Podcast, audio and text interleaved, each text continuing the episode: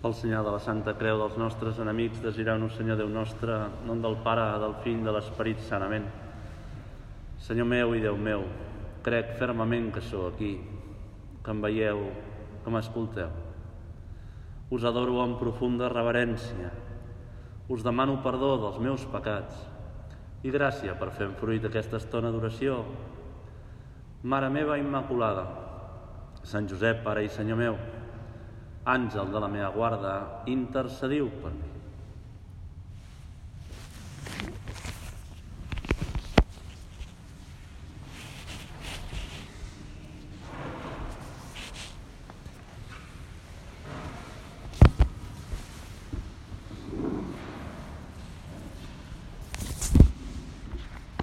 Amb la vostra llicència, sobirà Senyor sacramentat.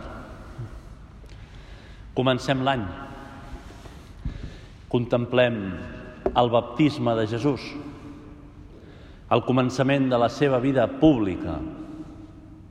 Després de 30 anys amagat, treballant silenciosament a Nazaret, dignificant la matèria, ara Jesús, tu Senyor, es dona a conèixer. Comença a predicar i a fer miracles. El primer, les noces de Canà, que hem contemplat aquest segon diumenge del temps de durant l'any, ahir. Quan varen arrestar a Joan Baptista, Jesús se'n va anar a Galilea a proclamar l'Evangeli del regne de Déu. Deia, s'ha complert el temps, el regne de Déu és a prop. Convertiu-vos i creieu en la bona nova. Amb aquestes paraules descriu Sant Marc, evangelista, el començament de la vida pública de Jesús. I al mateix temps, amb aquesta síntesi que és l'Evangeli de Sant Marc, que sempre ho diu tot en molt poques paraules, ressalta el principal contingut del seu missatge. Convertiu-vos i creieu en la bona nova. Nosaltres avui ens posem davant del Senyor i escoltem aquest anunci en primera persona. Mirem el Senyor i escoltem que ens diu converteix-te i creu en la bona nova perquè el regne de Déu és a prop. I nosaltres ens podem plantejar, pensant una mica, què significa aquesta paraula evangeli?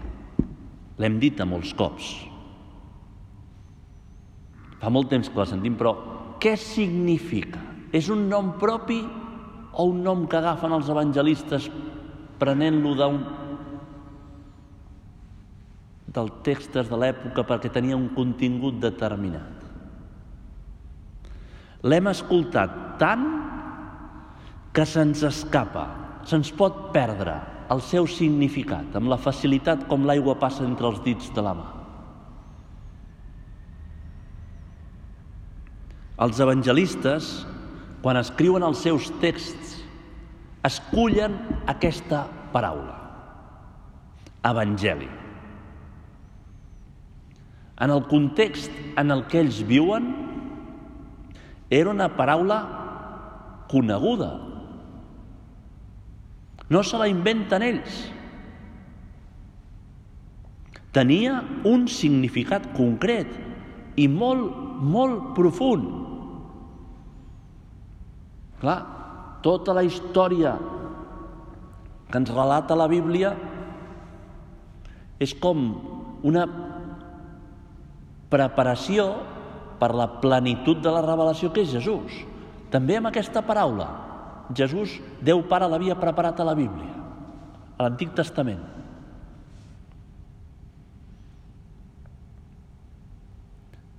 Recentment, aquesta paraula s'ha traduït per bona nova.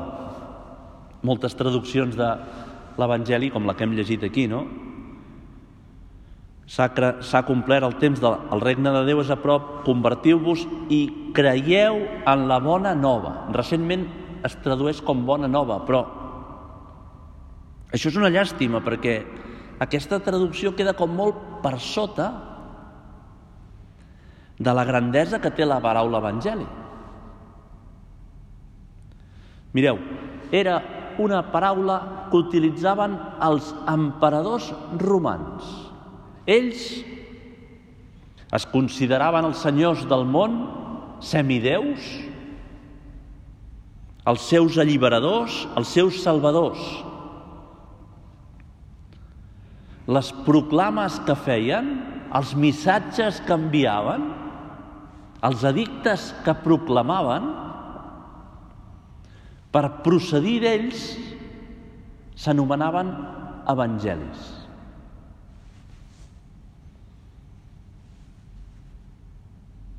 Encara que el seu contingut fos negatiu o desagradable. Podem pensar en Josep i Maria esperant a Nazaret i senten que un emissari anuncia que César August ha dit que tothom s'ha d'anar a empadronar. La idea de fons dels emperadors era aquest missatge és salvador, salvífic. No és una simple notícia, sinó té el poder de transformar el món cap al bé. Josep i Maria, quan senten el missatge de l'emperador, no ho veuen com un missatge alliberador. Però quan Sant Marc escriu l'Evangeli, pensa que això que s'arrogaven els emperadors, ara, amb Jesús, és veritat. Són paraules vives. Els evangelistes es troben que això que els emperadors s'apropiaven sense ser veritat, ara, aquí passa realment. Fixeu-vos, avui és Sant Antoni Abat. Els mossens hem llegit a la litúrgia de les hores un text de Sant Atanasi, amic de Sant Antoni Abat, que explica la seva conversió i va ser escoltant l'Evangeli a missa. Ell anava amb inquietuds a missa i va escoltar que el mossèn llegia Ves, ven tot el que tens, dona-ho als pobres, vine i segueix-me. Immediatament es va aixecar, va notar que aquelles paraules li cremaven dins, li deia Jesús es va aixecar, va vendre tot el que tenia, ho donà als pobres i va començar la seva vida camí de santedat. Els evangelistes es troben que això que els emperadors s'apropiaven sense ser veritat, ara, aquí, passa realment. Us llegeixo el que diu el papa Benet XVI, L'Evangeli no és només un discurs merament informatiu, sinó operatiu. No és una simple comunicació, sinó acció, força eficaç que penetra el món salvant-lo i transformant-lo. A vegades diem, l'Evangeli és com una carta d'amor que t'ha escrit Déu. I dius, sí, però no. Perquè amb aquesta definició, acció, força eficaç que penetra el món salvant-lo i transformant-lo, el papa Benet XVI està deixant veure alguna de, com una sacramentalitat de la paraula, com que la paraula de l'Evangeli té un contingut que, que viu a dins nostre, que s'encarna a dins nostre. Una miqueta com la paraula de l'àngel Gabriel es va encarnar En Maria, el verb de Déu s'encarnà. Jesús, tu Senyor, és el veritable Senyor del món. Les seves paraules realment ens alliberen, no només pel seu contingut, sinó per la gràcia de Déu que porta. Fixeu-vos que Sant Agustí, molt fi, deia Déu està assegut al seu tron al cel, però la seva boca no deixa de parlar-nos a la terra. És l'Evangeli. Hi ha algunes esglésies orientals que a part d'aquest sagrari central on hi ha l'Eucaristia, hi ha un sagrari lateral on s'hi guarden els evangelis i es veneren els evangelis. És clar, aquest món nostre, cada cop més antropocèntric, que dona voltes sobre si mateix, superficial, no se n'adona de la realitat sobrenatural, de la realitat de la gràcia. Aquests conciutadans nostres sembla que vagin amb una vena als ulls, pensant que hi veuen molt bé. També els jueus, en l'època de Jesús, havien acabat reduint la seva fe a un conjunt de manaments, a una moral. Havien deixat de mirar amunt i miraven cap avall. El crit que fem a la, a la missa, amunt als cors, és un crit dramàtic. Els alabem al Senyor vivim amb una vena als ulls. Ell és el Senyor ara. Ens mira i ens parla a l'Evangeli.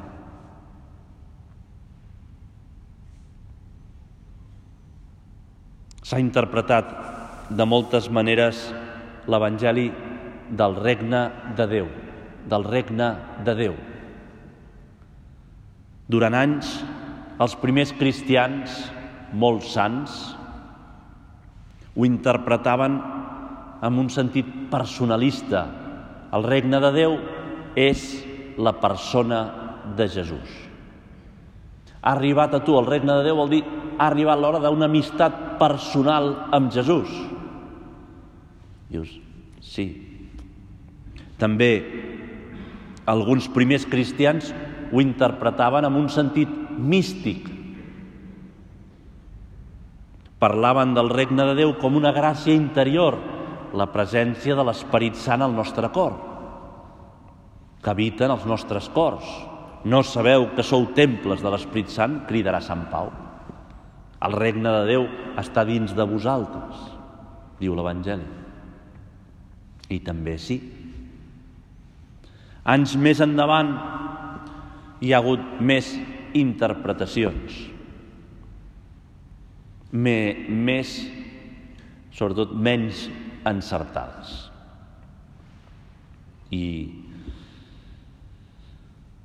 d'aquí surt precisament la, la teologia de l'alliberació, de l'alliberament, que junta el missatge de Crist i el marxisme i fa un, una, un revuelto de huevo con marxisme i acaba defensant la lluita armada per aconseguir el paradís terrenal aquí a la terra. El regne de Déu està aquí ja. Doncs hem de lluitar. El papa Benet XVI, al seu llibre Jesús de Nazaret, ho analitza tot això en profunditat i acaba dient, com a conclusió, us ho llegeixo, parlant del regne de Déu, Jesús anuncia simplement a Déu.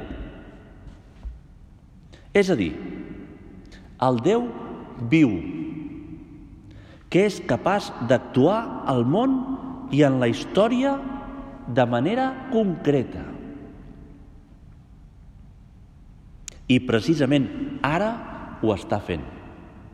Ens diu, Déu existeix. I és més, Déu és realment Déu. És a dir, té entre les seves mans els fils que mouen el món.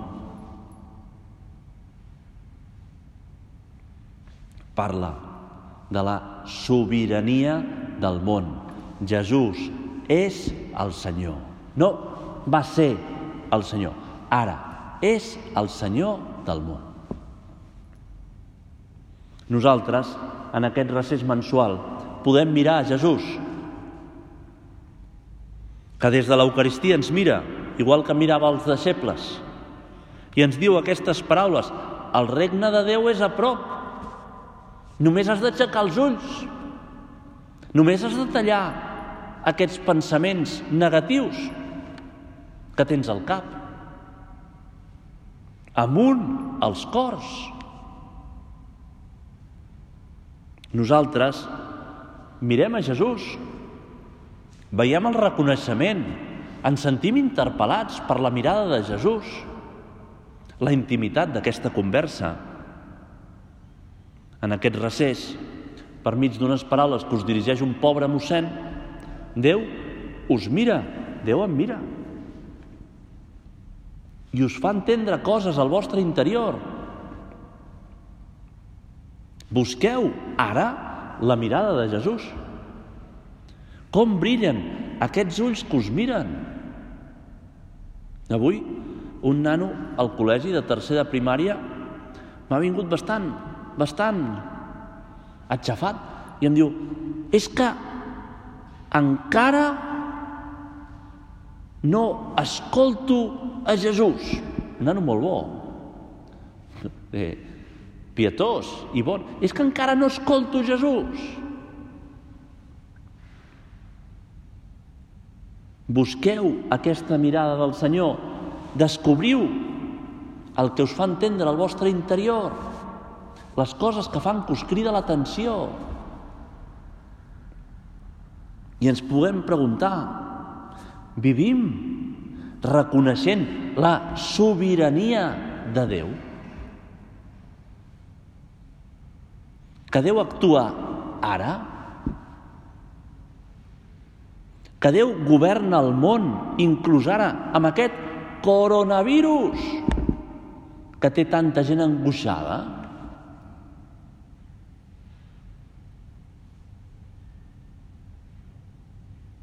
No reconeixem la teva sobirania, Senyor, quan ens desanimem, quan ens angoixem, quan ens deixem portar per la negativitat, quan de la nostra boca, que parla del que sent el nostre cor, surt la queixa, la lamentació, la tristesa. No és Déu el sobirà del món.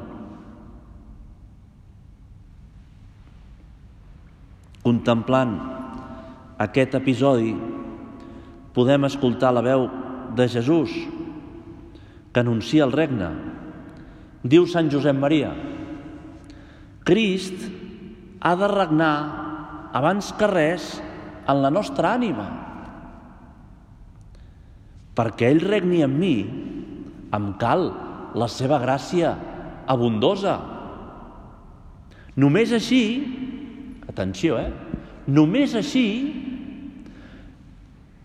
fins i tot l'últim batec del cor, l'últim alè de la respiració, la mirada menys intensa, el mot, la paraula més corrent, la sensació més elemental, es traduiran en un osana al meu Crist rei.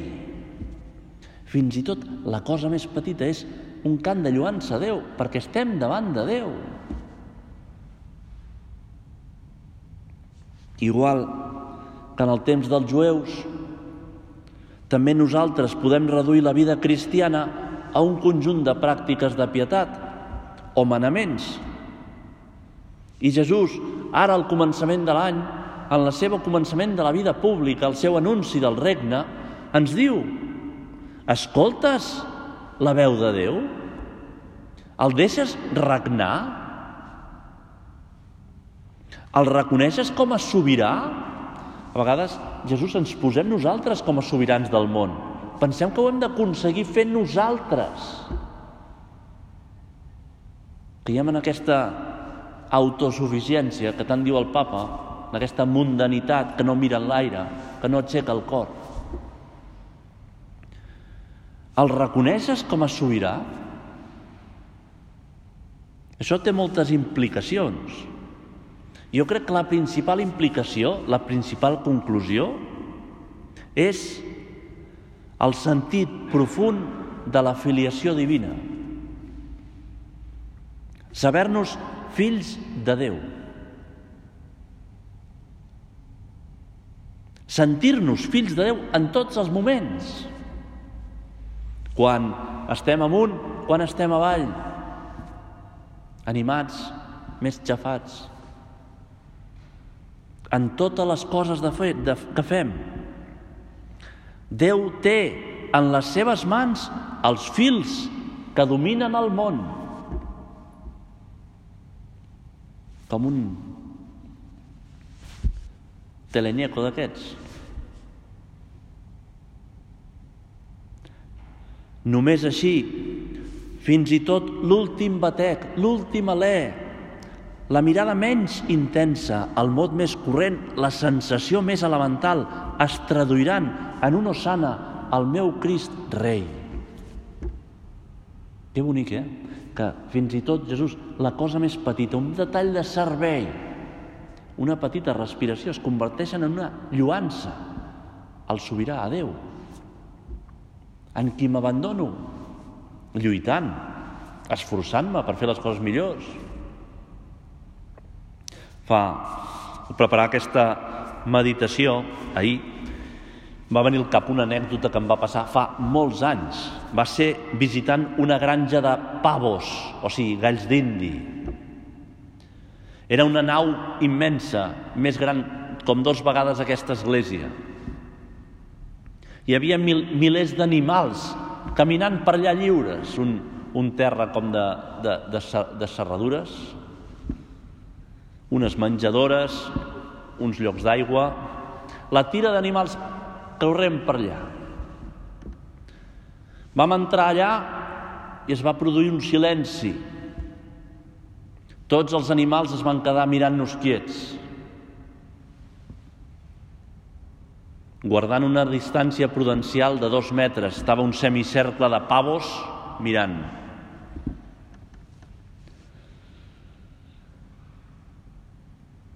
Atentament és una manera de dir perquè els pavos després dels ulls ja no tenen el cervell, i tenen directament, no? O sigui que no tenen capacitat d'atenció, no? No tenen espais de servei, de cervell. També la situació d'immediatesa en la que vivim, els whatsapps, la immediatesa de la informació fa que moltes persones sembla que no tinguin cervell, que visquin com els pavos, no? La qüestió, vam caminar per aquella nau com passejant-nos i els pavos, els gats d'indis, van posar tots a caminar darrere. Era com un... tots, tots darrere, no? Ens paràvem, giràvem i tots dissimulàvem. Miraven cap a una banda, cap a l'altra. Em vaig sentir important. Per uns pavos, eh? Imagineu-vos tu. Vam localitzar alguns que tossien, molt simpàtic perquè tenien una tos semblant a la de la persona humana, eh?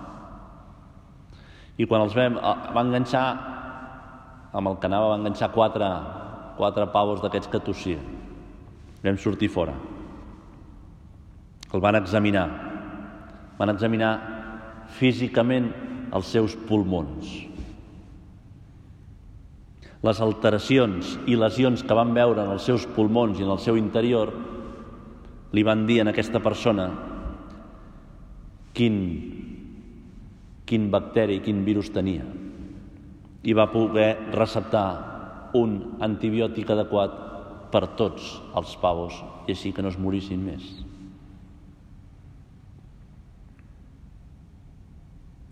Jo a vegades quan veig el món en el que estem em recorda aquella nau tancada, immensa. Milers de persones que van corrents d'una banda a l'altra el primer que crida la seva atenció, deixant-se portar per estímuls immediats. La immediatesa, el que palpem, el que veiem nosaltres com antropocèntrics, el que sentim, un emotivisme, com que el, el que sentim es converteix en criteri de valoració moral. No pensem gaire, cada cop hi ha menys capacitat crítica, un accés d'informació, un atabalament de coses,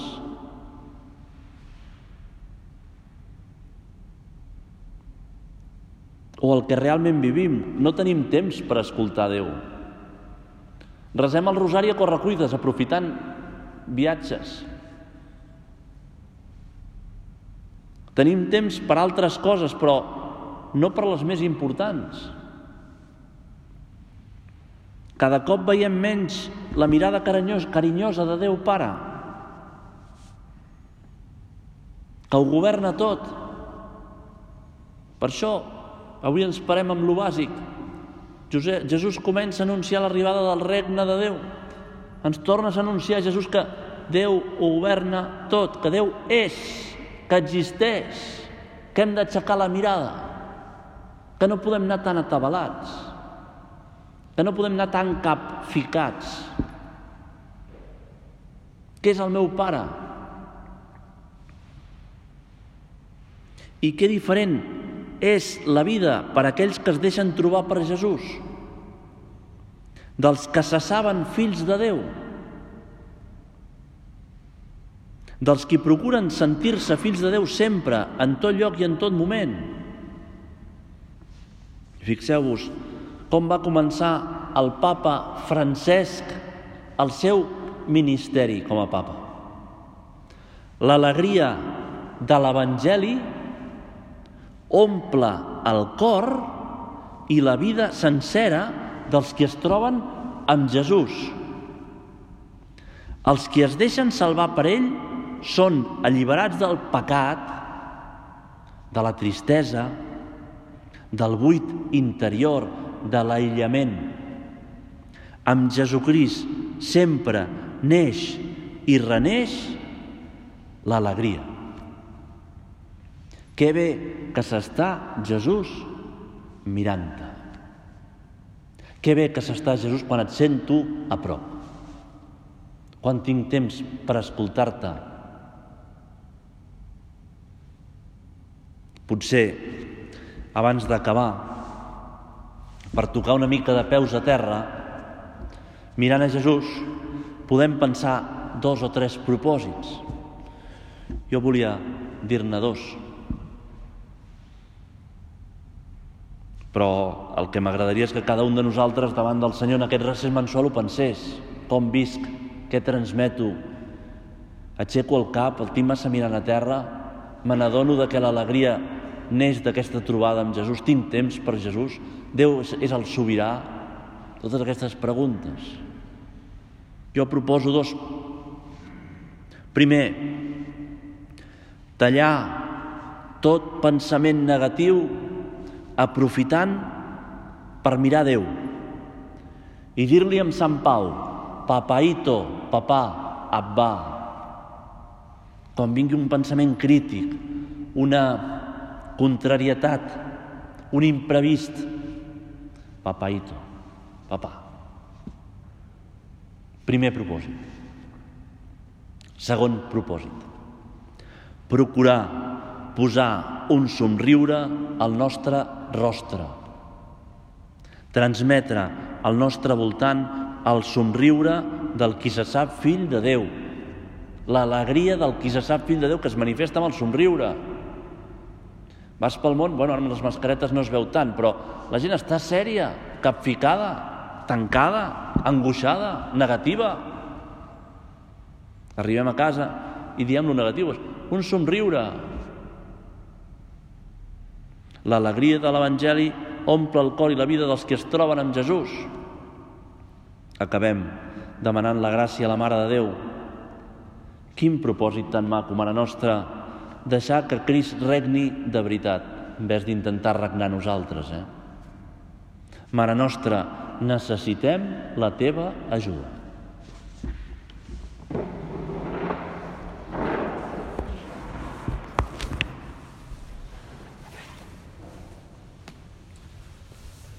Us dono gràcies, Déu meu, pels bons propòsits, afectes i inspiracions que m'heu comunicat en aquesta meditació. Us demano ajuda per posar-los per obra. Mare meva Immaculada, Sant Josep, Pare i Senyor meu, àngel de la meva guarda, intercediu per mi.